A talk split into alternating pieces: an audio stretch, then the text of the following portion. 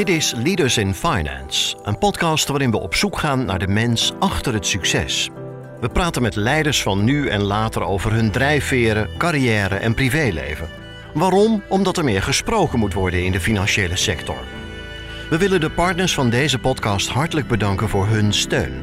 Dat zijn Interim Valley, FG Lawyers, Odgers Berndsen Executive Search en Roland Berger. Onze gast in deze aflevering is enorm actief als investeerder, ondernemer en boardmember. Hij bracht twee bedrijven van prille start naar een grote onderneming. In de financiële wereld is hij dan ook een van de bekendste Belgen, betrokken bij allerlei start-ups. En in die gevallen waar dat, uh, het aanvoelen echt goed is en de klik, want die moet er ook zijn met de respectievelijke founders er is, dan neem ik af en toe nog wel een voorzittersrol aan. Naar eigen zeggen is onze gast ongeschikt om te functioneren in een hiërarchische structuur. Ik heb altijd een probleem gehad als iemand zei wat ik moest doen, zonder dat daar een goede aantoonbare reden was, maar omdat hij of zij vond dat het moest gebeuren. Ik ben liever een vrije elektron dan gebonden, zegt hij. Ruimtelijk inzicht, abstractievermogen en de neiging om stappen vooruit te denken, dat leerde hij via het schaakspel. Ondanks het feit dat hij weinig tijd heeft, is mijn vader mij leren schaken. Toen dat hij zes maanden later begon te verliezen, vond hij dat niet meer. Vond hij, dat minder leuk? Hij schaakt nog steeds, maar nu tegen de computer. Een oefening in frustratie noemt hij dat. Zijn pensionering noemt hij volledig mislukt, want rustig aan is zijn leven immers niet geworden. Alleen wat hij doet, dat voelt niet als werk, zegt hij. Een bezige bij. Onze gast in deze aflevering is Michel Akkermans. Je gastheer is als altijd Jeroen Broekema. Welkom bij een nieuwe aflevering van Leaders in Finance. Deze week gaan we in gesprek met Michel Akkermans, een van de meest succesvolle Belgische tech- en fintech-ondernemers, boardmember en investeerder. Uh, welkom uh, Michel en fijn dat u de tijd neemt om met Leaders in Finance in gesprek te gaan. Dank u wel. Erg leuk om ook voor het eerst in het buitenland te zijn. We zitten hier in Antwerpen. Dat is voor mij extra bijzonder dat, uh, en leuk ook om, om een keer een Belgische gast te hebben. gaan we zeker vaker doen. Traditiegetrouw bij Leaders in Finance spellen wij altijd de naam van de gast. Dat is Michel, M-I-C-H-E-L. En dan Akkermans, A-K-K-E-R-M-A-N-S. Ik zal u proberen uh, kort te introduceren, maar dat is ontzettend lastig gebleken in de voorbereiding, want u doet ongelooflijk veel dingen, heeft heel veel dingen gedaan. Uh, maar ik ga even van start. Uh, u studeerde elektrotechniek en computer science en deed een postgraduate studie economie en finance aan de Universiteit van Leuven. Eerst werkte Michel als onderzoeker aan de universiteit om vervolgens te gaan werken voor internationale banken zoals JP Morgan en Continental Bank en daarna voor internationale consultingbureaus. In 1989 richtte hij Fix op, een softwareaanbieder in de hoek van online banking en regulatory financial reporting. Het bedrijf groeide uit tot een toonaangevende speler met 700 medewerkers en 70 miljoen dollar omzet. Later fuseerde dit bedrijf en werd Michel chairman van het tegen die tijd beursgenoteerde bedrijf genaamd S1. Vervolgens was hij medeoprichter en CEO van Clear2Pay, een fintech gericht op payments. Ook dit werd een groot succes met op een zeker moment 1200 medewerkers, kantoren wereldwijd en meer dan 100 miljoen omzet. Later werd het bedrijf overgenomen door FIS, FIS, de grootste beursgenoteerde fintech-onderneming ter wereld. Ook werd Michel investeerder en executive chairman in Data4S, een data en analytics mining company gericht op EML-toepassingen, dus anti-money laundering toepassingen, voor financiële instellingen. Ook dit bedrijf werd uiteindelijk succesvol verkocht. Michel is op het moment een investeerder, boardmember en voorzitter, zoals ik al zei, bij tientallen bedrijven, waaronder veel fintechs. Er zitten ongelooflijk veel interessante bedrijven bij, maar het zou te ver voeren voor deze um, introductie om die allemaal op te noemen. Maar ik ga ze zeker opnemen in de zogenaamde show notes van deze podcast. Tevens is Michel commissaris bij het Nederlandse softwarebedrijf Exact. Ook is hij boardmember bij het beursgenoteerde Quest for Growth en venture partner, partner en de voorzitter bij Volta Ventures. En Volta Ventures spraken wij lang geleden in deze podcast um, ook. En toen was uh, Sander Vonk uh, zat achter de microfoon. Michel is trotse uh, Antwerpenaar, is 61 jaar en nou, dat kan niet anders, hij woont in Antwerpen. Dat mogen duidelijk zijn. Dat was een hele mond vol van mijn kant, maar dan hebben we in ieder geval alvast een beetje een beeld van u. En waar ik mee zou willen starten is, u kunt een hele lange periode overzien. Want eind jaren 80 zat u eigenlijk al in de fintech, terwijl het woord waarschijnlijk niet bestond of niet gebruikt werd. En staan we eigenlijk nu aan het begin van de grote doorbraken als het gaat om fintech, of stonden we dat toen? Een uitstekende vraag. Uh, om te beginnen hangt het een beetje af van wat de definitie van fintech is. Uh, wat mij betreft uh, heb ik fintech altijd geïnterpreteerd als zijnde tech for fin, dus technologie uh, bouwen, in casu software, oplossingen voor banken en financiële instellingen. en dat is mijn definitie en dat is ook hoe dat ik naar de markt kijk en hoe ik ook mijn investeringen overweeg. En je hebt natuurlijk nog een ganse wave ook van fintech-spelers, die, wiens bedoeling niet is om de financiële bestaande instellingen te helpen, maar om ze te disintermediëren. Dus de zogenaamde disruptive players. Um, wat betreft Tech for Fin, denk ik dat elk moment een doorbraakmoment is. De eerste computers die eraan kwamen. Ik heb het geluk gehad, denk ik, om drie waves succesvol te voorspellen. De eerste zoals er was het gebruik van PC's en het toenemende gebruik van PC's voor banking. in de late jaren 80, begin jaren 90 zeker geen evidentie. Dan de doorbraak van het internet en hoe dat, dat een impact had op de kanalen die financiële instellingen uh, gebruiken om eh, naar hun klanten te stappen. En, en dan last but not least het ganse cloud-verhaal dat we nu kennen, software as a service, dat ook weer een heel definierende invloed heeft op dit soort van oplossingen. Dus ik denk dat het iets van alle tijden is. Wat er natuurlijk wel iets recenter is, is de meer disintermediërende fintech-spelers die dus werkelijk de concurrentie aangaan met banken. Uh, dikwijls door in het oog van de banken. En als we kijken naar wat bijvoorbeeld Jamie Dimon zegt van JP Morgan Chase, is scared, ik kan het vierletterwoord niet, niet, niet gebruiken, dat hij gebruikt heeft, of fintech. Maar ja. ja. dat is fantastisch. Maar hoe verklaart u dat u die wave, zoals u het zelf noemt, toch wel aardig goed kon voorspellen? Hoe kwam dat? Uh, een stuk geluk, denk ik. Ik denk dat je daar heel nuchter moet zijn. Uh, twee, uiteraard in de jaren tachtig was ik nog uh, piepjong, dus ik was gefascineerd door alle nieuwe technologie en, en, met mijn technologische background en wetenschappelijke background daardoor gebeten. Um, en, en dan ook een stuk trial and error. Je, probeert een aantal dingen, uh, je corrigeert en of, of je, je past de koers aan en je zorgt ervoor dat je met, met, iets komt waar de markt wel behoefte aan heeft.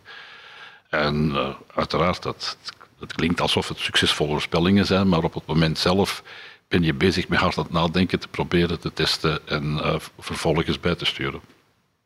Want zijn die disruptive fintechs nou zo disruptive dat het, de bank zoals we die nu kennen, dat die op lange termijn niet meer zo zal bestaan? Of is dat te extreem? Ik denk dat dat extreem is. Uh, dit soort van dingen is al voorspeld geweest sinds de midden jaren 90, uh, waar dat Bill Gates, nu, meer, nu ondertussen ook berucht, maar waar Bill Gates heeft gezegd dat banks are dinosaurs. en hij ging met het product Microsoft Money een aantal dingen fel verbeteren.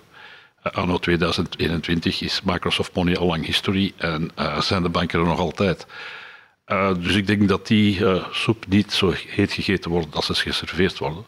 Er zijn natuurlijk bepaalde nichegebieden waar dat die kleinere spelers of die disruptieve spelers een uh, competitief voordeel hebben. En daar kunnen ze inderdaad bestaande financiële instellingen pijn doen.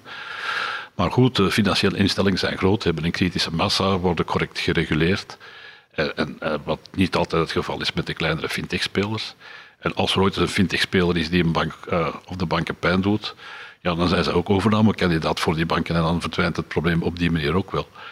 Dus ik denk dat er heel veel hype is.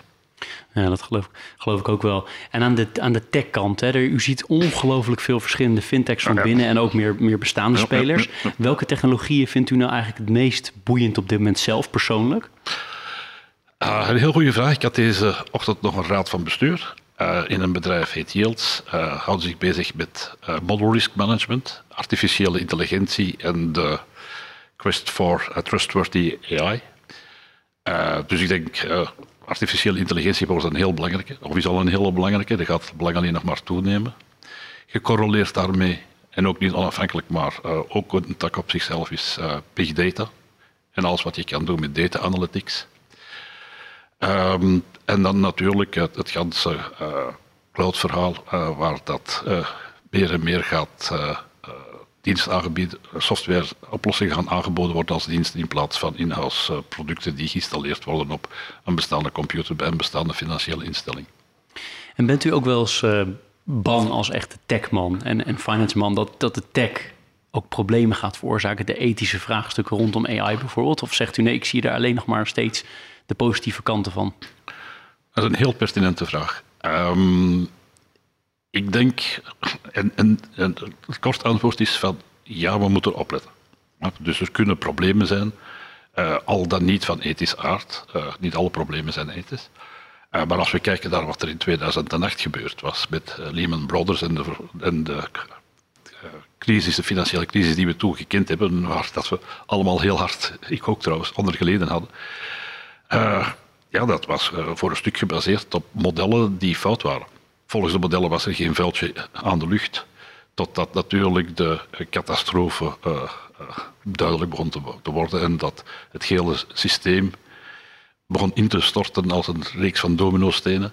Godzijdank is daar toen op uh, ingegrepen geweest. Dat is niet aan, dat is een behoorlijke kostprijs gebeurd, maar is het systeem terug weggetrokken. Maar dat was dan werkelijk, hoe zou ik het zeggen, um, echt voorbeeld van hoe dingen kunnen fout lopen. En naarmate dat we meer en meer afhankelijk worden van die systemen, is het voor ons heel belangrijk dat we die systemen ook begrijpen. Wat, het probleem met sommige van die AI-oplossingen is dat uh, ze werken wel en er komen resultaten uit waar, waar, we iets mee kunnen, maar we begrijpen niet altijd noodzakelijk van hoe dat we tot die uh, resultaten komen. En ik denk dat het belangrijk is om daar extreem oplettend te zijn. Ja, in het recente uh, was ik mocht ik een debat leiden tussen, tussen allerlei mensen over uh, in hoeverre model explainability, in hoeverre modellen nog uitlegbaar moeten kunnen zijn. Hè? Ik heb zelf ook uh, kredieten verstrekt in in een fintech en hadden we ook nog ook parameters die, ja, waarvan je niet eens meer precies wist welke invloed had op wat. Hè? Dus ik noem maar iets raars, het, tijdstip van de dag dat je je, je, je, je, je, kredietaanvraag doet, kan ook bepalend zijn. Of hoe je je gedraagt op Facebook. Maar kun je het allemaal nog uitleggen? En moet alles uitlegbaar blijven aan de klant? Een heel goede vraag. Uh, hangt er natuurlijk vanaf over welk uh, risico dat we spreken. Uh, spreken we over een systeemrisico, dan denk ik wel dat het belangrijk is dat we het uitlegbaar is en blijft. Of dat we het op zijn minst voldoende begrippen van hebben en de nodige controles hebben ingebouwd. Als het gaat over niet-essentiële zaken waar een fout geen, geen catastrofaal gevolg heeft, dan kan men daar wat relaxter mee omspringen. Iets anders, u noemde al eerder uh, de disintermediërende fintech. Uh, en als je aan de andere kant kijkt, de meer enabling fintech, hè, die diensten aanbiedt aan de, aan de financiële sector, aan de bestaande financiële sector. Dan zag je eerst heel veel uh, hoop van de disintermediatie. Daar gaat het allemaal gebeuren. Er ook heel veel investeerdersgeld wat daarheen ging. Ik weet niet hoe dat voor u geldt, maar dat ben ik ook benieuwd naar. Uh, en nu zie je toch wel heel veel mensen die zeggen, zeker aan de investeerderskant, de enabling fintech. Is, zit u nu met name in een van de twee of zit u in allebei? Oh, ik zit heel, heel duidelijk in enabling fintech. Zoals ik in het begin van het gesprek zei, het is tech voor fin. En ik ben niet zo'n grote fan van de disintermediërende fintech-spelers. Daar zit u ook eigenlijk helemaal niet in? Of zit bijna helemaal, niet? helemaal niet in of bijna niet. Bijna echt enabling, oké. Dat is interessant. Ja. En uh, als u nu um, uh, voorzitter van de Raad van Bestuur zou zijn van de grootste Belgische of Nederlandse of Europese bank, waar zou u zich het zelf het meest uh, zorgen over maken als het gaat om, om fintech? specifiek de disintermediërende fintech dan. de rest is, zijn zaken die mij komen helpen, dus daar heb ik helemaal geen probleem mee. Maar met de disintermediërende fintech, zeker als de strijd niet met gelijke wapens wordt, bevochten. Want ik als voorzitter van, hypothetisch voorzitter van de grootste bank, uh, moet aan een hele reeks reguleringen voldoen, die hopen geld, tijd en energie kosten, terwijl de disintermediërende fintechs dat niet noodzakelijk moeten doen. Dus ik zou uh, heel erg druk maken over het feit dat de level field, dat de playing field not level is. Uh, en, en, vandaar, het gebeurt uiteraard, vandaar ook dat lobbyen om uh, de disintermedieerde fintechs op een gelijkaardige manier te reguleren. En ik denk ook dat dat moet, uh, want anders gaan we natuurlijk systeemrisico's terug opnieuw krijgen. Denk maar weer terug aan 2008. Als die disintermedieerde fintech groot zou worden. Nu, laten we ook redelijk wezen. de disintermedieerde fintech heeft op dit ogenblik maar een miniem percentage van de totaal omzet eh, van die bepaalde sector. Dus op dit ogenblik, zelfs als daar iets misloopt, heeft, is de globale macro-economische impact vrij miniem. Als, het, als dat gaat groeien, dan denk ik dat het heel belangrijk wordt voor de regulators om daar uh, verscherpt op toe te zien. Helder. U vervult heel veel verschillende rollen. Hè? Dus uh, we hebben het in de inleiding over gehad. U bent investeerder, u bent natuurlijk uh, ondernemer, u bent nou, boardmember. Wat vindt u nou het leukst bij die verschillende rollen als we ze langslopen? En vindt u uiteindelijk, uiteindelijk het ondernemerschap het allermooiste of kunnen we dat niet stellen? Oh, het ondernemerschap is duidelijk het allermooiste. Uh, maar in, uh, in volgorde. Dus ik heb meer dan 25 jaar CEO geweest van twee bedrijven. Hè, dus FIX, zoals u zelf zei in het begin, en Clear2Pay daarna. Ondertussen ook executive chairman geweest van Dataforce. En ik denk, denk, dat wat dat betreft mijn curriculum vrij uniek is, omdat ik dus drie bedrijven succesvol help gemaakt hebben. Um, na, na, een dikke 25 jaar vond ik het tijd om iets anders te doen omdat ik niet meer uh, gefocust wou zijn op één enkel bedrijf. Dus ik wou meerdere dingen in parallel doen. En ik had ook het, het, het, gevoel uh, dat het tijd was van iets terug te geven. Het klinkt een beetje melig, maar uh, paying forward, zoals ze dat in de States heten, of the giving back. En, en uh, ik, ik, vind het heel mooi uh, op dit ogenblik om ten eerste met ondernemers nog altijd te zijn. Daar, daar klopt mijn hart nog steeds. Maar ik vind het leuk om jongere mensen te helpen succesvol te zijn. En ik heb alles behalve de wijsheid in pacht. en ik denk dat ik evenveel van hen leer als ze van mij leren. Maar ik denk wel dat ik jonge ondernemers kan behoeden van fouten te maken die ik zelf al een keer gemaakt heb. Uh, dus dat, dat, vind ik leuk om te brainstormen met de jonge kerels, of, of jongere vrouwen zijn er ook godzijdank meer en meer. En, en dat we gezamenlijk dingen creëren. En dat vind ik leuk. Dat, en, en, dat komt natuurlijk ook tot uiting in investeerder te zijn. Ja, dus als je, je kan natuurlijk vrijblijvend advies verstrekken aan iedereen die je maar wil advies verstrekken, of die er naar wil, naar wil horen. uh, maar uh, ik, ik, vind het uh, belangrijk, ik ga weer een Engels-Saxisch woord gebruiken, skin in the game te hebben. Dus ik vind het belangrijk van een minderheidsbelang, minderheidsbelang, dus druk ik toch even op, in de meeste gevallen op te bouwen bij dat bedrijf, zodat ik dat de belangen van de founders en mezelf volledig gelijklopend liggen. Dat vind ik een heel belangrijk punt in de investeringswereld gebeurt, wordt er al regelmatig tegen gezondigd. En, en, en op die manier ook er aan deel te nemen. En die investeerdersrol, eh, adviserende rol, concretiseert zich dan heel dikwijls in, eh, zoals wij in België noemen, eh, boardmember te worden, dus uh, bestuurder, het Nederlands uh, commissaris. Maar in, in geval van de start-ups wel een heel erg betrokken bestuurder. dus dat beperkt zich niet tot gewoon zes vergaderingen per jaar of zo.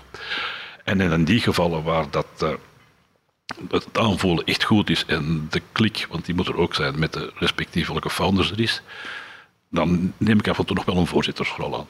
En afhankelijk van hoe dat, dat concreet wordt ingevuld, kan dat zijn van uh, een vrij uh, neutrale, afstandelijk, afstandelijk is niet juist het woord, maar niet dagelijks betrokken uh, voorzitter, tot voorzitters die per bedrijf toch wel verschillende uren per, per week in dat bedrijf investeert.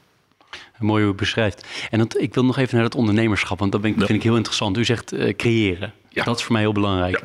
Ja. Um, kunt u nog meer vertellen wat er nou zo mooi is aan ondernemen? Wel, uh, het, het, gevoel dat je met een team dingen realiseert die voor die nog niet bestonden. En die een probleem oplossen waarvoor klanten willen betalen. Ja, want uh, dingen vrij weggeven, dan maak je geen klanten, dan maak je vrienden, dat is iets anders. Uh, maar dus werkelijk iets creëren uh, dat, dat een maatschappelijke relevantie heeft. En, en, en, en het, gevoel, de adrenaline rush die, die je krijgt als je eerst een groot contract op, intekent, of wanneer je een, een echt mooie doorbraak maakt, is, is heel erg, is iets dat mij heel erg aanspreekt.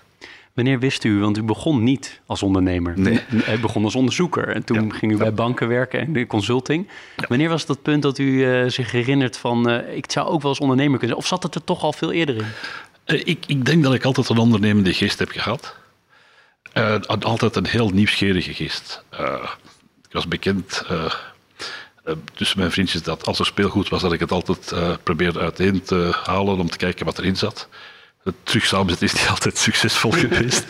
uh, maar goed, dat nieuwsgierig en dat gedreven. En dan, uh, ik wou heel graag uh, fundamentele wetenschap doen toen ik jong was. Dus abstracte wiskunde of theoretische fysica. Nog steeds een beetje hobby van mij op dit ogenblik. Um, en, en, en dan toch beslist van in plaats van theoretische natuurkunde te sturen naar Master of Engineering te gaan. Hè, wat een vergelijkbaar curriculum is, maar iets meer toegepast. En dan uh, in België uh, was het zo dat uh, ik nog mijn legerdienst moest doen. dus militaire dienstplicht was hier nog geldig. En ik heb dat jaar in, in het leger gebruikt om ook economie bij te studeren. En ik vond die combinatie van het financiële met het technische zo boeiend. Ook omdat finance toen meer en meer kwantitatief werd. En dat er computers meer en meer een belangrijke rol gingen spelen. Zoals ik gezegd had in het begin van, de, van dit gesprek. Uh, ook de uh, succesvolle penetraties van PC's voorspeld in, in, in dit markt. En, ehm, en ik was daar dan mee begonnen. mijn eerste grote werkgever was JP Morgan. Dus ik, en die, hadden mij specifiek komen vinden omdat ik inderdaad dat omdat ik inderdaad dat dubbele diploma had. Of die dubbele academische vorming. En dan na een tijdje beginnen te realiseren dat dingen sneller zouden kunnen, beter zouden kunnen, goedkoper zouden kunnen, als ik niet steeds te maken had met een grote hiërarchie, verschillende rapporteringslijnen en een, en een stugge structuur zoals het in de jaren tachtig nog, nog was. Dus dingen zoals Agile en Scrum en, en Tribes, uh, dat, dat kennen we op dit ogenblik, dat was op dit ogenblik nog niet bekend. En toen ik beslist van de sprong te wagen, uh, zeer tot uh, ongerustheid van mijn ouders, want die vonden dat ik bezig was met een heel mooie carrière in, in, bij een grote bank, hè, toch een toonaangevende bank, internationale bank. En, en, en, toch de sprong gewacht. Hè, waar dat nu ondernemerschap, zowel in België als in Nederland, vereerd en aanbeden wordt. En mensen zelfs als ze mislukken nog altijd steeds op een op een pedestal, zoals we in, Antwerpen zeggen, geplaatst worden om, uh, om, om, om, bewonderd te worden, uh, was dat in die tijd bijna niet not done. Dus om toen ondernemer te, te worden, moest je het echt willen. Uh, en dan is er uiteraard ook nog een andere reden waarom dat ik het, dit gedaan heb, is omdat ik, heel, omdat ik eigenlijk ongeschikt ben om te functioneren in een hiërarchische structuur. Wat, wat gebeurde er dan? Wat, wat gebeurde er dan als u dat... wel, ik heb altijd een probleem gehad als iemand zei wat ik moest doen, zonder dat daar een goede aantoonbare reden was waarom dat hij of zij vond dat het moest gebeuren. Dus, en, en dan de, de, inefficiëntie die een dergelijk systeem meebrengt, uh, vond ik ook helemaal niet leuk. En dan is het ook een kwestie van temperament. Hè. Dus ik, heb, ik, ik, ben liever een vrij elektron dan een gebonden. En, en ja, ik, ik vond mezelf veel gelukkiger in een omgeving waar ik mijn creativiteit de vrije loop kon laten. Het feit dat ik daar substantieel risico bij nam, inkomensgewijs dan, hè, want ik was toen nog midden in de twintig en van achter de twintig. En ik had uiteraard ook een hypotheek en al dat soort van dingen die je op, op dat ogenblik begint, op die leeftijd begint te verzamelen. maar ik heb het altijd met heel veel plezier en passie gedaan. Hoe, want kijk, achteraf is het natuurlijk makkelijk zeggen dat het een goede keuze was geweest. Want ik vond het heel leuk, het is goed uitgepakt, u bent er heel succesvol mee geworden. Ja, zelfs mijn ouders hebben dat moeten toegeven. zelfs zij het moeten toegeven, dat, dat moet een enorme overwinning geweest zijn. Maar, voldoening, voldoening. Voldoening, dat is een betere woord. Um, hoe eng was het op dat moment? Als u dat nu even, alle, alles wat erna komt, even vergeet. Maar als u zich verplaatst in die, die, die, die jonge man van eind 20 of midden, midden eind 20. Uh, het, van, ik had natuurlijk wel een bijkomende geruststelling met het soort van academische background dat ik had, had het nooit een probleem geweest om terug een normale baan te vinden. Dus in die zin was het risico wel gebufferd. Waar ik het meeste probleem mee had, of wat ik het raarste vond, is uh, op dat ogenblik het onbegrip van mensen te moeten omgaan van waarom doe je dit nu en is dit wel verstandige keuze en uh, hoe ga je kinderen onderhouden, ik moet ook eerst, eerst een kind hebben. Uh, dus dat, daar had ik, dat, dat, dat, vond ik vreemd. Dus in plaats van in, die tijd positief energie daar rond te krijgen, kreeg je heel wat negatieve energie. Ook, ook van vrienden hè, die bij mij aan de universiteit, maar wat ben je mee bezig? En, en, daar kon ik niet bij. Maar uiteindelijk niks van aangetrokken? Uh, nee. nee. Nee, doorzettingsvermogen is ook een van de kwaliteiten die je moet hebben als ondernemer, denk ik. En ook omgaan met uh, problemen. En ja, maar ik heb, ik heb altijd dingen gedaan tegen beter weten in. en dat is niet alleen met het eerste bedrijf zo geweest. Het tweede bedrijf waar we begonnen waren. We hebben het concept uitgewerkt van een payment hub, wat toen een nieuw concept was. Nu is het, we hebben een categorie voor een stuk gedefinieerd. mensen, ook collega's, vonden dat te vroeg was, te veel risico had dat de technologie het niet zou kunnen, dat het niet scalable was, dat er risico's waren. Uh, maar ja, je doet iets omdat je van overtuigd bent dat het op een bepaald ogenblik uh, zijn belang gaat hebben en dat klanten daar, daar, gaan vragen. En ook gewoon een stuk doorgezet. Het verschil tussen het tweede bedrijf en het eerste bedrijf is dat ik in het, dat het succesvolle exit van het eerste bedrijf zelf financiële middelen had om in het tweede bedrijf te investeren. In het eerste bedrijf was dat helemaal geen optie, dus we moesten gewoon winstgevend en cash positief, zoals dat nu heet, zijn vanaf dag één. Ja, dat is wat anders dan de, de grote Amerikaanse bedrijven die misschien vijf of tien jaar lang verlies maken. U moest gewoon meteen geld verdienen. Ja. ja. komen straks nog even op het bedrijf hoor. Maar ik wil even nog, u noemde uw ouders al een paar keer. Ik zou u iets willen delen over hoe u bent opgegroeid? Ja, ik heb een leuke jeugd gehad, maar ook een heel strenge jeugd.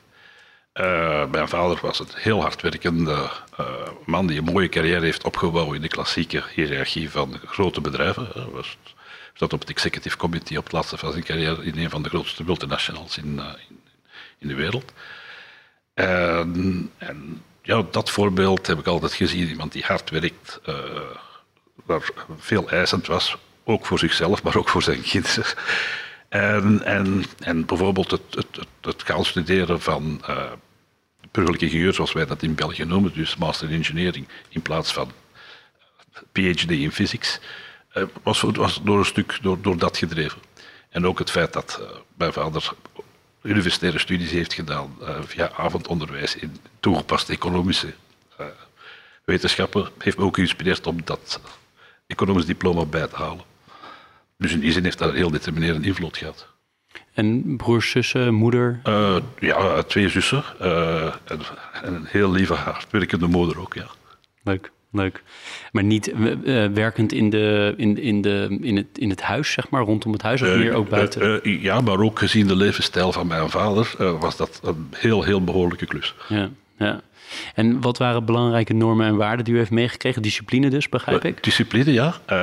eerlijkheid. een van de dingen, liegen werd, of, of zelfs leugentjes verbest, werd absoluut niet getolereerd intellectuele nieuwsgierigheid werd gestimuleerd. Heel veel gesprekken gehad met mijn vader en mijn moeder. Mijn moeder altijd dankbaar van toen dat ik zes jaar was, dat ze mij boeken toeschoof voor, die normaal bestemd waren voor twaalf jaar. Uh, en, dat en, uh, en dan nog andere dingen. Hè. Ondanks het feit dat hij weinig tijd heeft, heeft mijn vader mij leren schaken. Toen dat hij zes maanden later begon te verliezen, vond hij dat niet meer. vond, hij, vond hij dat minder leuk. Uh, maar dan ben ik een tijdje een obsessieve schaker geworden, wat ook weer op zichzelf interessant is. En uh, ja, dus al die dingen die je meeneemt voor, voor de rest van je leven. Het is wel leuk. We hadden een aantal, ik denk anderhalf maand geleden, een gast um, die uh, was, uh, zij, Annika Trion, die was uh, drievoudig Engels kampioen schaken. En zij vertelde hoe zij toch het schaken ook nog steeds gebruikt in haar werk. Ze zei het is natuurlijk anders en met mensen, ja. maar toch de manier van denken. Kunt u zich dat voorstellen? Oh ja, absoluut. Ik kan dat volledig onderschrijven. Het structureert je geest. ik weet nog heel goed dat in het middelbaar, en ik dus middelbare school had, uh, dat ik me altijd stierlijk verveelde tijdens de les. Ik had een, een, een vriend in de klas zitten. En die, uh, die was ook schaakfanaat. En wij speelden dus gewoon schaak heel dag lang. Maar wij hadden ook geen bord niet meer nodig. Nee, ik kan dus gewoon schakelen op coördinaten. Ja, ja. Zoals die dame waar u over sprak, ja. ongetwijfeld ook. Ja. Ja, ja. Dus je bent gewoon het schak in je hoofd. En dat geeft je natuurlijk een heel groot ruimtelijk inzichtsvermogen en abstractievermogen. Ja. En ook uh, de neiging om stappen vooruit te denken. Anticiperen. Ja, ja. anticiperen, ja. ja. Doet u het nog? Ik schaak nog, ja. ja. Niet meer met dezelfde intentie en heel dikwijls tegen de computers. Mijn vrienden willen niet meer tegen mij schaken. en tegen de computers natuurlijk een oefening in frustratie. Ja. Ja, ja, dat kan, kan me iets meer voorstellen. Ja, afhankelijk van het niveau je zit, heb je gewoon geen enkele kans. Zelfs de grootmeesters verliezen nu. Bizar, hè? En, en terug naar het artificiële intelligentie. Vele van die algoritmes... Uh, sommige schaakgrootmeesters begrijpen niet waarom een computer bepaalde zetten doet. Zeker in computer-to-computer schaak, waar dus twee competitieve computersystemen met elkaar aan het schaken zijn, komen er dikwijls zetten uit waar ze met stomme verbazing naar staan te uh, kijken, omdat ze nog nooit eerder aan gedacht hadden. We hadden het eerder over model explainability, nou, daar heb je een mooi voorbeeld. Ja, ja, inderdaad. Ja. Waar ik even benieuwd naar was, u zei eerder, toen ben ik daarna, na mijn beta-studies, ook nog economie erbij gaan doen. Heeft u dat helemaal, het helemaal uit uzelf? Want dat is wel een belangrijke move geweest. Uh, ik ben iemand die graag dingen optimiseert. En ik ga me niet populair maken met die dat ik nu zeg, maar ik vond die militaire dienstplicht maar niet. Ik bedoel, waste of time. Uh, maar goed, het was niet helemaal zoals mijn vader zei. Het is een wettelijke verplichting, dus daar gaan we dus niet over zeuren. Niet zeuren was ook een van de leidraden in mijn opvoeding. En ik heb gezegd, wat kan ik doen om de tijd zo efficiënt mogelijk te besteden? Uh, te besteden. En ik zeg, ja, nog iets bij studeren dat nuttig kan zijn voor mijn verdere carrière. En ik heb een heel exacte wiskundige opleiding gehad, engineering studies in, uh, in België. Rond die tijd waren heel erg kwantitatief wetenschappelijk onderbouwd. Uh, maar waren vrij abstract en niet noodzakelijk toegepast. en over het bedrijfsleven, dat soort van dingen, werd heel weinig gezegd toen. En ik heb heel veel gehad aan dat jaar economie. Wat eigenlijk verschillende universitaire jaren was gecomprimeerd in één jaar, maar omdat ik al een master's degree had. Maar had het wel helemaal zelf bedacht? Het was niet dat uw vader of moeder zei van nee, u zou dat dus beide bij moeten gaan doen? Nee, nee, nee. maar mijn vader was wel heel erg enthousiast over het idee. Hij dacht dat het moeilijk te combineren zou zijn met uh, uh, dienstplicht, uh, maar het is me toch gelukt. Heeft u toch nog iets uit de dienstplicht meegenomen waarvan u blij mee bent? Want discipline zat er al in, dus dat is niet bijgebracht. Ja. oh, afkeer van de hiërarchie om te beginnen. dat verbaast me niet na het eerdere verhaal. ja, ja, ja, ja. het tweede, een zekere zin van humor. omdat de Belgische militairen ja, bedoel, laten we zo zeggen, mocht de Sovjet-Unie, want het was toen nog uh, Sovjet-Unie, ons binnengevallen hebben op een uh, zaterdagochtend, hadden we echt een probleem gehad. en dan weet ik genoeg. het waren wel gezellige vrijdagavonden dus. Uh, ja, ja, ja. ja, ja. Heeft u bepaalde mensen, en u hoeft ze niet, uiteraard niet bij naam te noemen, mag wel, uh, maar los van, van bijvoorbeeld van uw vader, maar ook daarna tijdens je studie of misschien nog verder, die heel veel impact hebben gehad op u als, als persoon en welke kant u op bent gegaan, hoe u denkt? Ja, in de eerste plaats denk ik daaraan de promotor van mijn eindwerk. Op die tijd uh, professor Oosterlink. die heeft mij dus geholpen met mijn eindwerk. Ik ben een tijdje onderzoeker geweest in zijn afdeling. Hij heeft mij trouwens geholpen om terecht te komen in de wetenschappelijke dienst van het leger. Dus dat ik niet gewoon van dan de normale verplichtopleiding van een paar weken. Ik kreeg een algemene taak toegewezen. Dus ik zei mij toegewezen aan de wetenschappelijke dienst waar ik software kan gaan maken voor, voor, voor, voor het Belgisch leger. En dat was natuurlijk makkelijker combineerbaar met studies dan in Duitsland ergens met een geweer rondlopen. Dus daar ben ik hem heel dankbaar voor. En we hebben steeds contact gehouden. En ik zit nu met die man, die is een stuk ouder, maar is nog ongelooflijk actief. Hij, is, heeft een pracht van de academische en andere carrière gemaakt. Hij is ook professor ondernemer. Dat heb ik ook gezien dat hij. Hij, deelt, hij was professor, maar hij was niet alleen academisch bezig. Hij was ook uh, toegepast bezig met bedrijven. Hij is dan vervolgens rector geworden van de Universiteit van Leuven. Toch de toonaangevende universiteit, of een van de toonaangevende universiteiten van, van dit land. Waar hij nog steeds ererector is. En hij zit nu in uh, combineert op verschillende bestuurdersmandaten. We hebben ook één investering te samen. Dus, uh, dat is wel heel bijzonder hoe die, die vriendschap gelopen is. Ja, ja.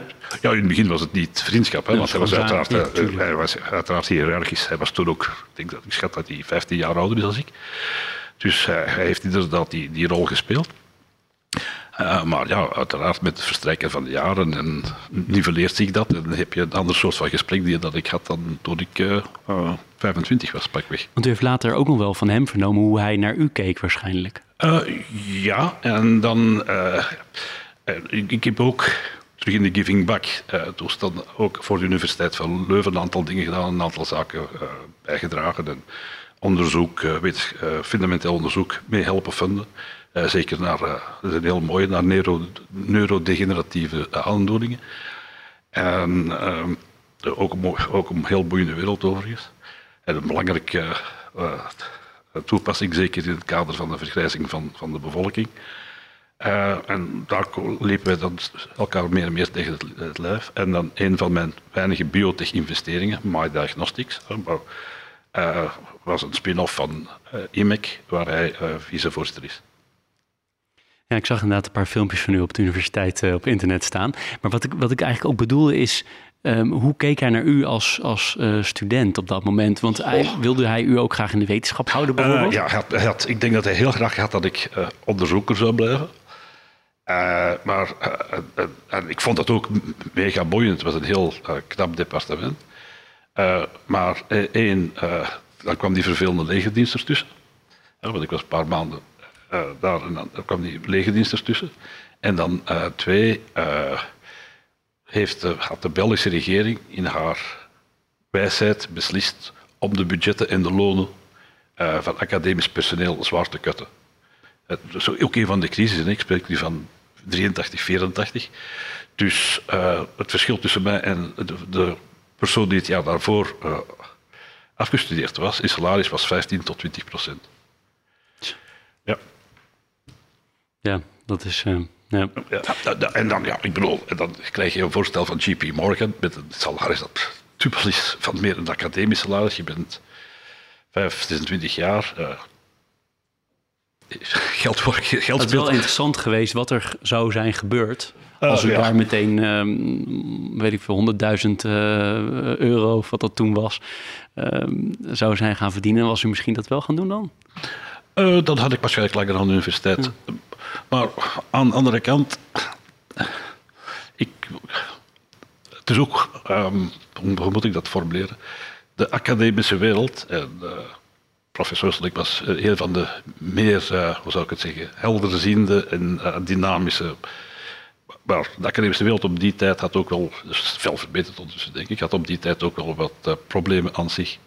er was ook een administratieve traagheid en, en en, en, en, ik voelde toch ook wel de drang om iets internationaal te doen. Ik bedoel, een van de zaken die ik altijd gevonden heb, is dat België een heel klein land is. Het is een mooi land, maar een heel klein land. Uh, dat het belangrijk is voor jonge mensen om zich zo snel mogelijk open te zetten. En dat natuurlijk het leuke met JP Morgan was, het eerste project was in Londen. De wereld ging voor mij open. ja. ja, dat kan me voorstellen. En waren er nog andere mensen die heel veel impact op u hebben gehad, zoals deze professor? Een heel goede vraag. ja, medewerkers, uiteraard op dit ogenblik grappig genoeg ook de, de, de, jongere mensen waar ik mee samenwerk. Ik bedoel, nogmaals, ik leer evenveel van hen als, als, als zij van mij kunnen leren. Dus een heel mooie symbiose en uitwisseling. En dan verder de mensen met wie dat je succesvol bent geweest door, doorheen je carrière. Dus de namen uitpikken zou niet ver zijn, denk ik, omdat ik dan bepaalde mensen te veel recht of onrecht zou bezorgen. Uh, maar ja, die mensen zijn uiteraard belangrijk geweest. Wat ik ook altijd interessant vind om te vragen is, u heeft eh, ontzettend hoeveelheid mensen ontmoet hè, in al die verschillende functies. Maar u heeft ook heel veel mensen aangestuurd, hè, in, wel in die hiërarchische lijnen, waar u zelf niet per se altijd zo fan van was. Betekent dat die, die organisatie ook niet zo hiërarchisch heeft opgezet? Of dat dan toch wel? Ik, was een, ik had een gruwelijke hekel aan uh, management layers. Dus iemand die rapporteert aan iemand die rapporteert aan iemand die rapporteert. Daar heb ik nooit aan meegedaan. Zelfs toen, uh, toen de bedrijven klein waren, tot 40, 50 pakweg, was er bijna geen hiërarchische uh, structuur.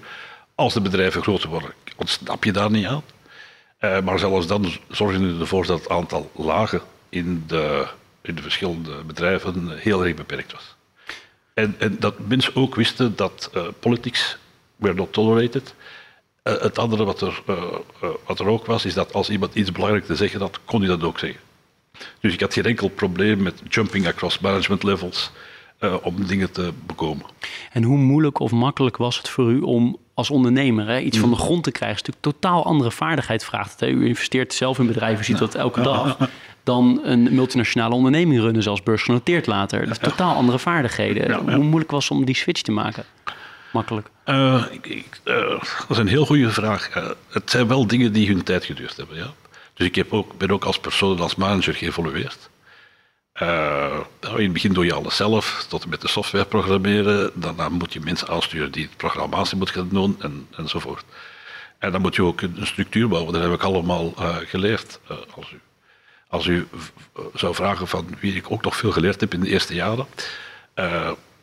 Toen ik begon in 1989 met EVCS of Fix, wist, wist ik zelfs niet wat venture capital is risicokapitaalverschaffer. Ik had er zelfs niet aan gedacht, ik wist niet dat dat een optie was.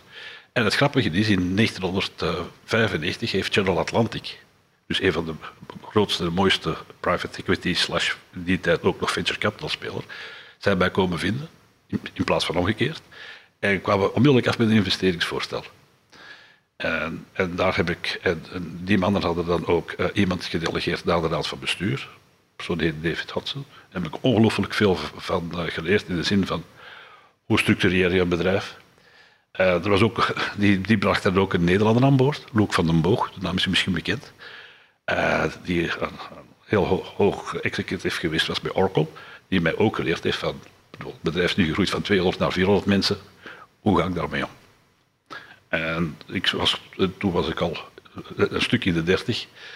Eh, van die mensen, dus ik had ook, ik had geluk dat ik er steun van gehad heb om, om dingen te leren en, en, en te brainstormen en gewoon van, wat denk je, als ik nu dit nu doe, dan krijg je het antwoord, ik zou nu doen, want als je dat doet, dan is dat waarschijnlijk een gevolg. Ah, ah ja, oké. En dus daar leer je van.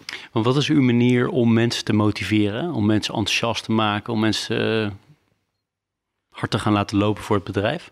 eh, common goals. Dus dezelfde doelstelling hebben, dezelfde objectieven hebben, dezelfde zaken proberen te, te bereiken. Iedereen natuurlijk in zijn eigenheid laten, vind ik ook belangrijk.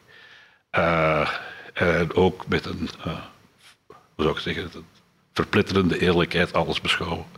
En zelfs als het nieuws niet leuk is, moet het toch circuleren. Een van de vragen die ik ook vaak stel is ehm, de rol van geld. Hè?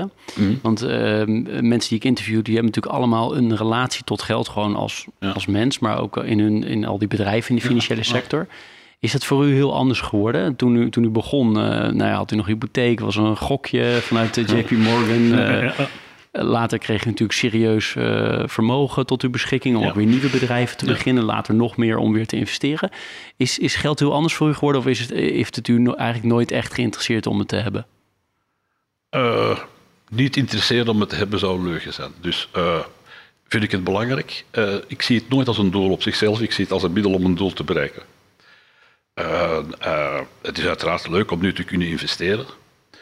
Eh, ook kunnen eh, leven met als iets niet lukt, want dat gebeurt ook. Het zijn niet allemaal succesverhalen. Eh, of kunnen bijs- bijstaan en, eh, en blijven ondersteunen, zelfs in moeilijke tijden. Ik denk dat een van de dingen waar ik trots op ben op dit ogenblik, is dat we nu een aantal goed boerende bedrijven hebben in de portefeuille die met klassieke venture capitalisten niet hadden overleefd.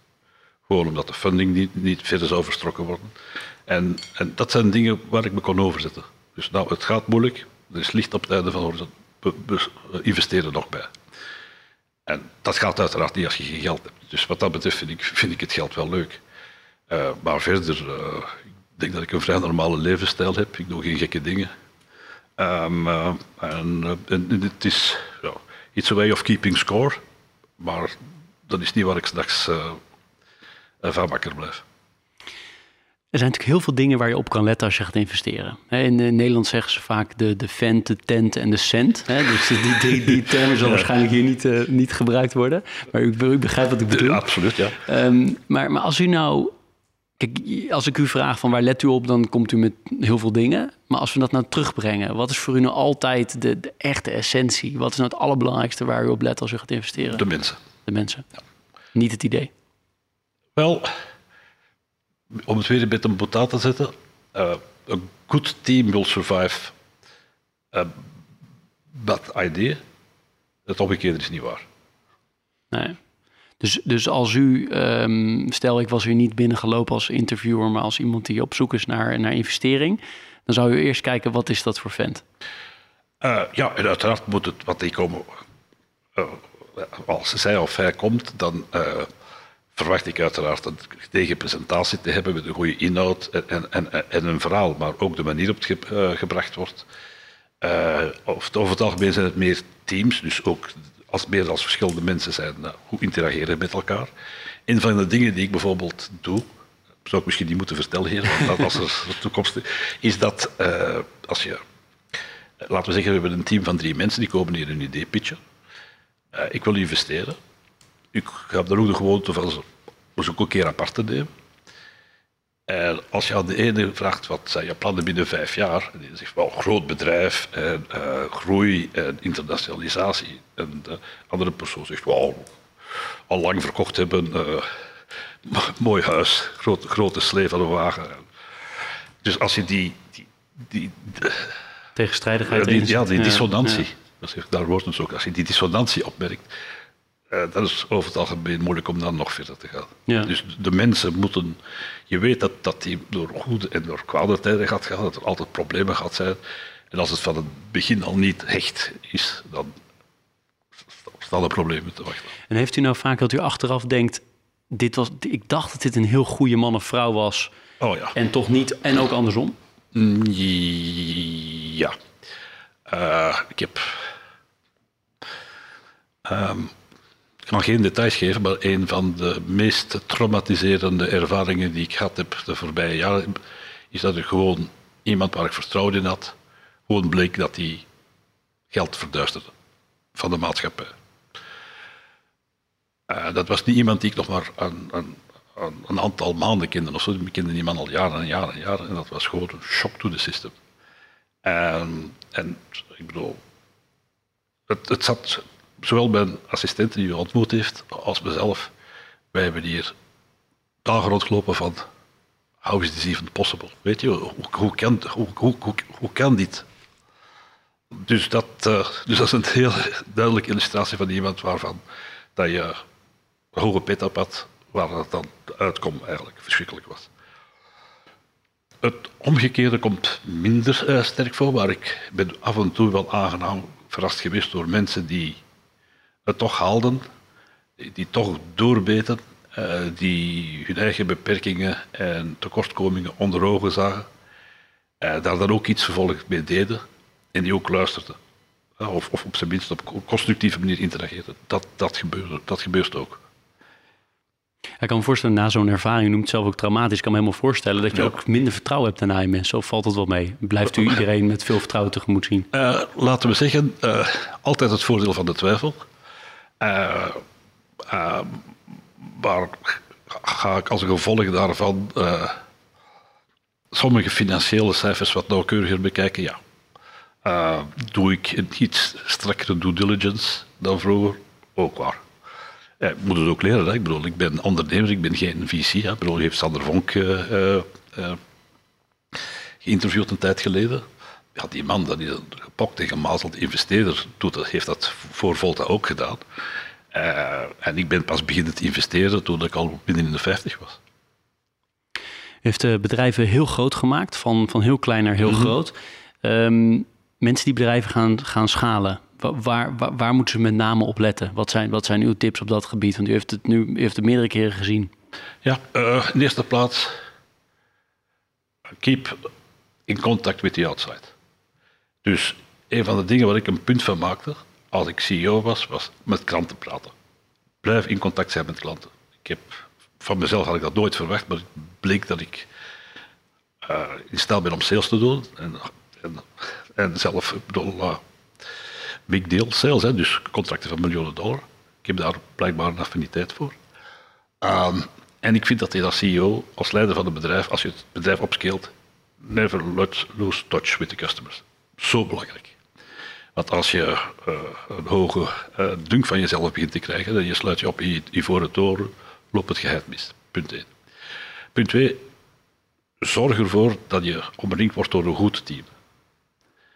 Een van de dingen die ik zeker bij het eerste bedrijf heb moeten vaststellen, want je begint dan ergens iets, het weten, je begint ook een persoonlijke relatie met hebben mensen, maar het blijkt dat soms mensen niet kunnen meegroeien met het bedrijf. En dan moet je ervoor zorgen dat je ofwel een goede bestemming geeft ofwel afscheid nemen. Ah, want in een snel groeiend bedrijf gaat alles heel snel naar boven en niet iedereen kan met dezelfde snelheid die ladder op. Dus het is belangrijk voor te zorgen dat je omringt met mensen die dat wel kunnen. En eventueel nieuw bloed. Een van de dingen die ik ook zeg, ja, ik weet dat het jouw was. En ik weet dat uh, hij goed is in software schrijven, maar hij is niet goed in een team aansturen. Dus zorg ervoor dat, iemand, dat je iemand aanneemt die dat wel kan dat kan soms ook heel erg pijnlijk zijn. Hè? Uh, het kan ook zijn dat je tegen die man zegt, tegen die vader zegt, of tegen die vrouw zegt van je bent een fantastische CEO geweest, maar het bedrijf heeft nu iemand nodig die op een andere schaal dingen aanstuurt. En stel voor dat jij je terugtrekt in waar je beste in bent. Dat is nu terugtrekken, dat klinkt negatief, maar hoeft niet zo te zijn. Je wordt bijvoorbeeld Chief Technology Officer. dus je, je, je, focust de persoon dan op waar hij wel succesvol is en waar hij bijdraagt. Als een persoon verstandig is, en, als hij nog aandeelhouder is, begrijpt hij het ook. Dat is een moeilijke boodschap om te brengen, maar ze moet soms wel gebracht worden. Maar dan begrijpt hij ook dat het in zijn belang is, of in haar belang is, omdat het bedrijf uh, moet groeien om succesvol te zijn, of meer succesvol te zijn. Dus dat zijn, dat zijn zaken. En dan uh, ja, verder uh, zorg ervoor dat je je omringt met de goede investeerders. Uh, ik denk dat er heel veel investeerders zijn op dit ogenblik die niet noodzakelijk goed zijn voor een bedrijf. Wat betekent dat? Wat, wat doen ze wat niet goed is? een voorbeeld. Hè. er wordt heel veel gepraat over business angels en business angel networks, al dat soort van toestanden.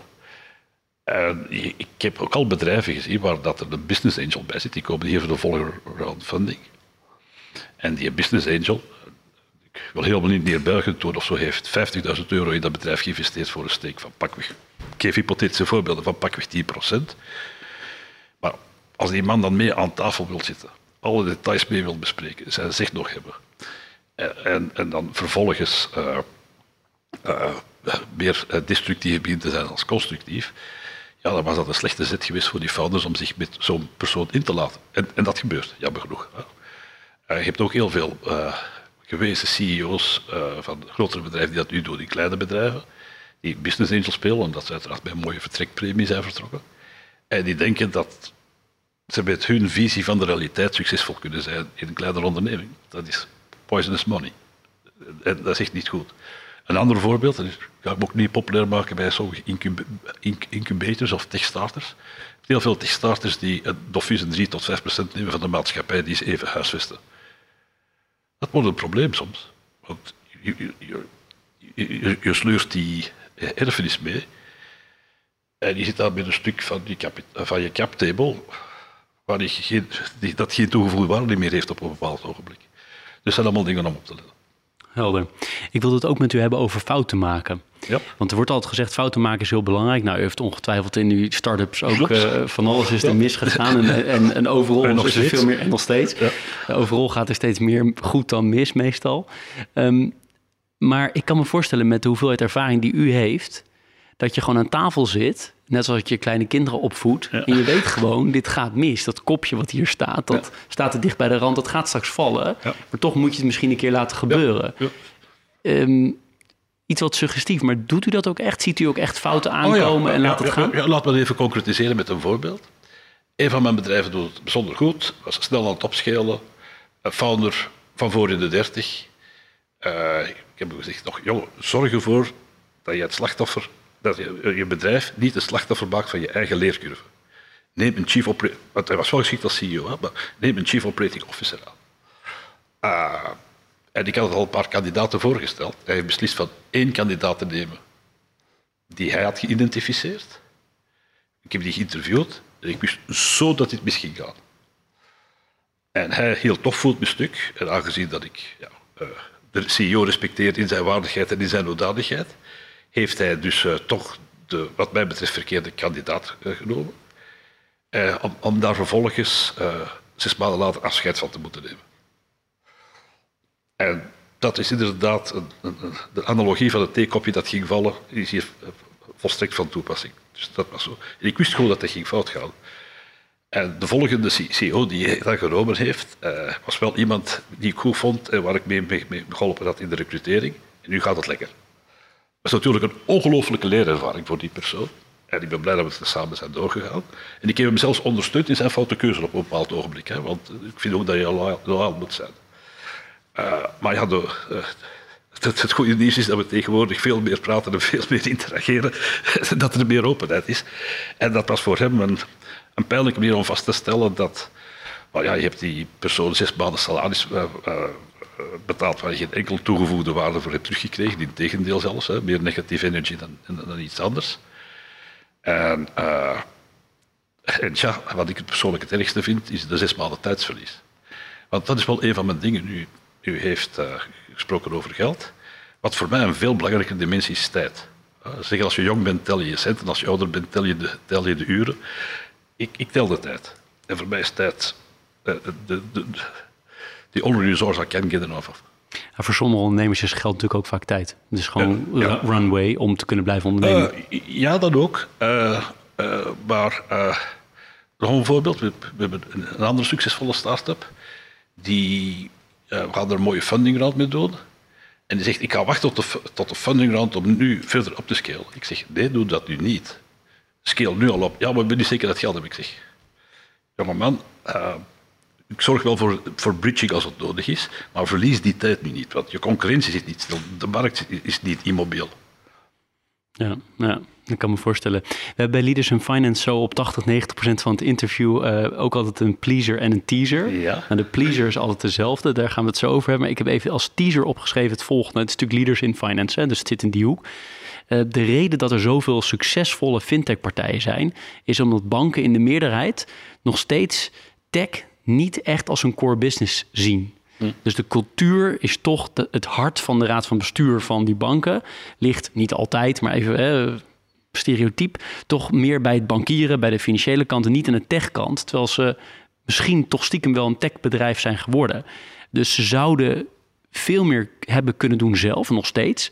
Als ze meer een tech-cultuur zouden hebben. Dan zouden ze de Argents bijvoorbeeld in Nederland als voorbeeld... die nu een market cap heeft die vele malen groter is dan ING en ABN AMRO bij elkaar. Hè?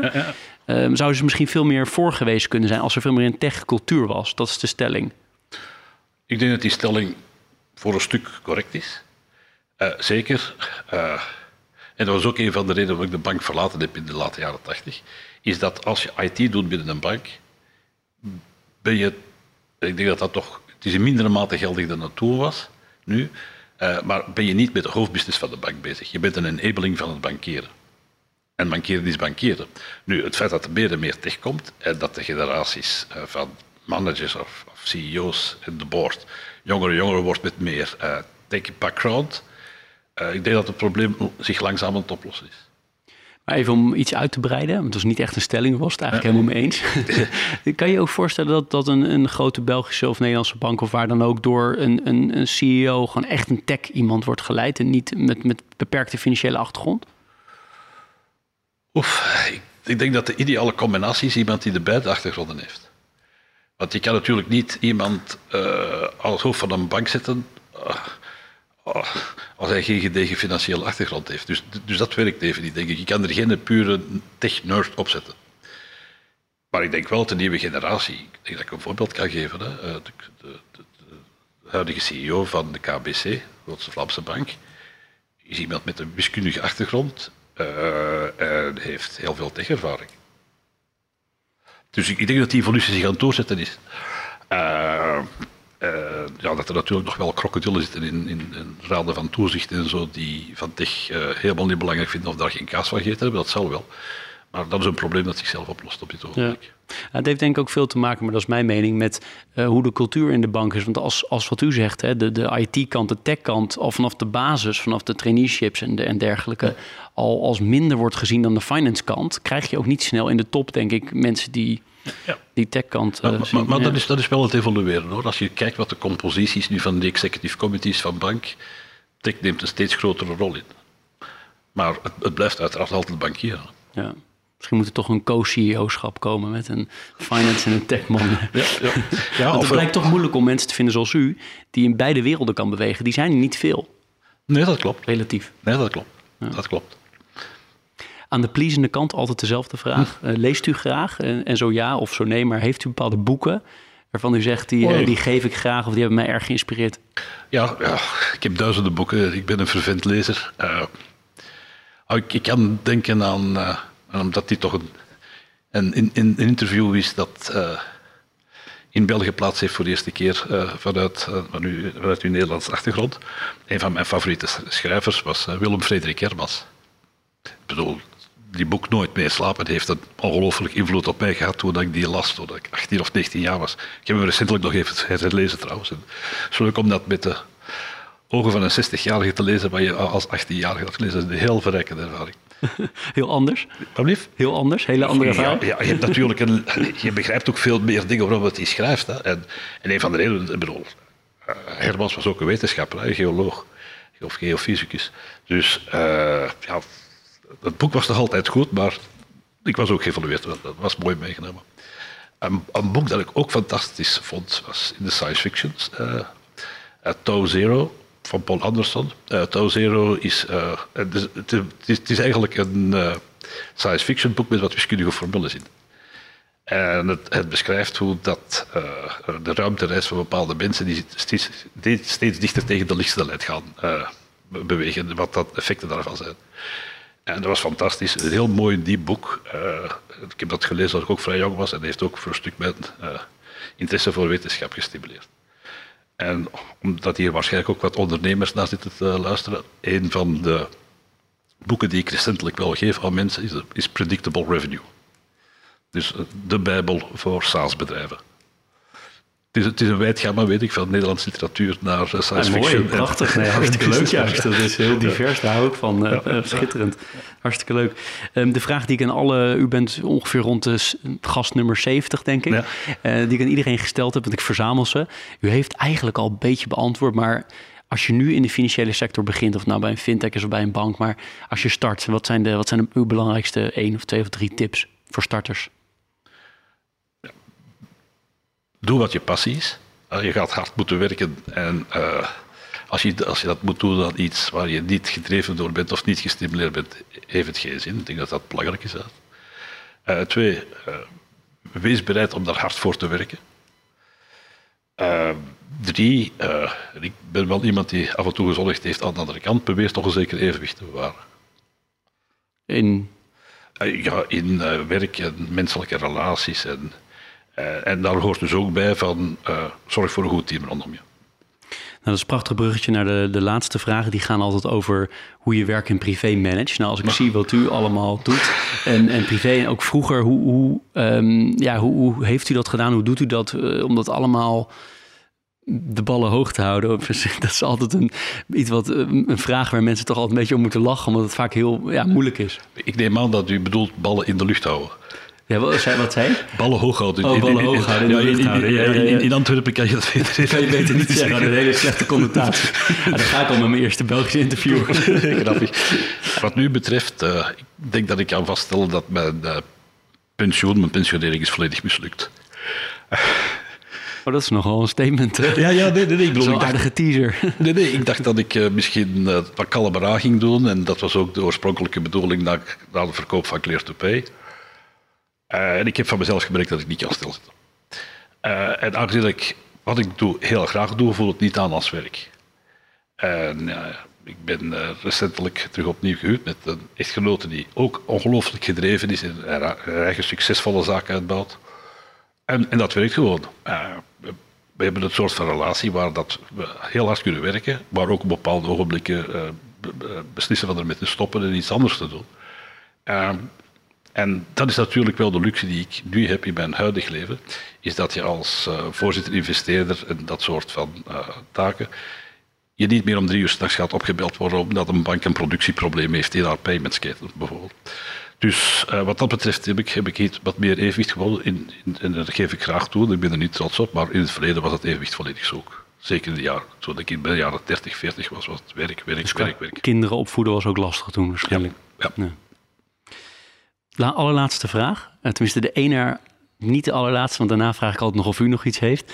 Uh, maar mijn vraag is: um, uh, hoe, hoe, wat doet u eraan om mentaal en fysiek fit te blijven? Wel, in de eerste plaats lezen. Veel lezen, dat is de mentale gang van zaken. En fysiek, wel veel sport. Ik heb gemerkt dat met het ouder worden het metabolisme trager wordt. Dus ik worstel dit ogenblik een beetje met het gewicht, maar merk dat het sport niet alleen, alleen niet meer lukt. Maar ik, ik, ik sport wel vijf tot zeven keer per week. Ja. Zo. Nou, wat doet u dan? Oh, uh, zoals alles, hè. verschillende dingen. Zwemmen, lopen, krachttraining, gevechtsporten. Nou, dan die onvermijdelijke laatste vraag. Is er nog iets waarvan u zegt, ik heb de kans gehad om heel veel te mogen vragen, waarvoor dank alvast, maar dat ga ik zo nog uitgebreider doen. Uh, maar is er nog iets waarvan u zegt, nou dat had ik graag willen zeggen, of Jeroen, dat had je, had je eigenlijk moeten vragen? Nee, ik denk dat we een vrij volledig gesprek hebben gehad. Uh, buiten het feit dat ik extreem verheugd ben om een van de eerste Belgen te zijn die hier op uh, interview mogen komen uh, vond ik dit een bijzonder prettige ervaring. Nou, ik wil u heel erg, heel erg bedanken voor de, de, vele tijd die u heeft genomen om met, met Leaders in Finance met mij in gesprek te gaan. En inderdaad, ehm, inderdaad bijzonder om als eerste, eerste Belg deel te nemen voor mij. Het is ook weer niet zo bijzonder, maar toch. Het is wel in een ander land, dus dat is, dat is leuk. Ehm, en Bocca Koffie, dat is een, een koffiebedrijf uit Amsterdam. Die B Corp gecertificeerd is. Benefit Corporation, die verzorgt het bedankje. Dat ga ik u zo geven na nou, afloop. U ziet het al, maar dat uh, luisteraars niet. En nogmaals heel hartelijk dank voor uw tijd. Heel graag gedaan.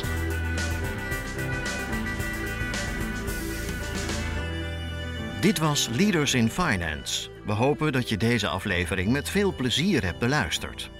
We stellen je feedback erg op prijs. Wat houdt je bezig en over wie wil je meer horen? Laat het weten via een Apple of Google review. Dat kan ook via de sociale media kanalen of direct via een e-mail. We kunnen het enorm waarderen als je dat doet. Tot slot danken we onze partners voor hun steun. Dat zijn Interim Valley, FG Lawyers, Odgers Berndsen Executive Search en Roland Berger.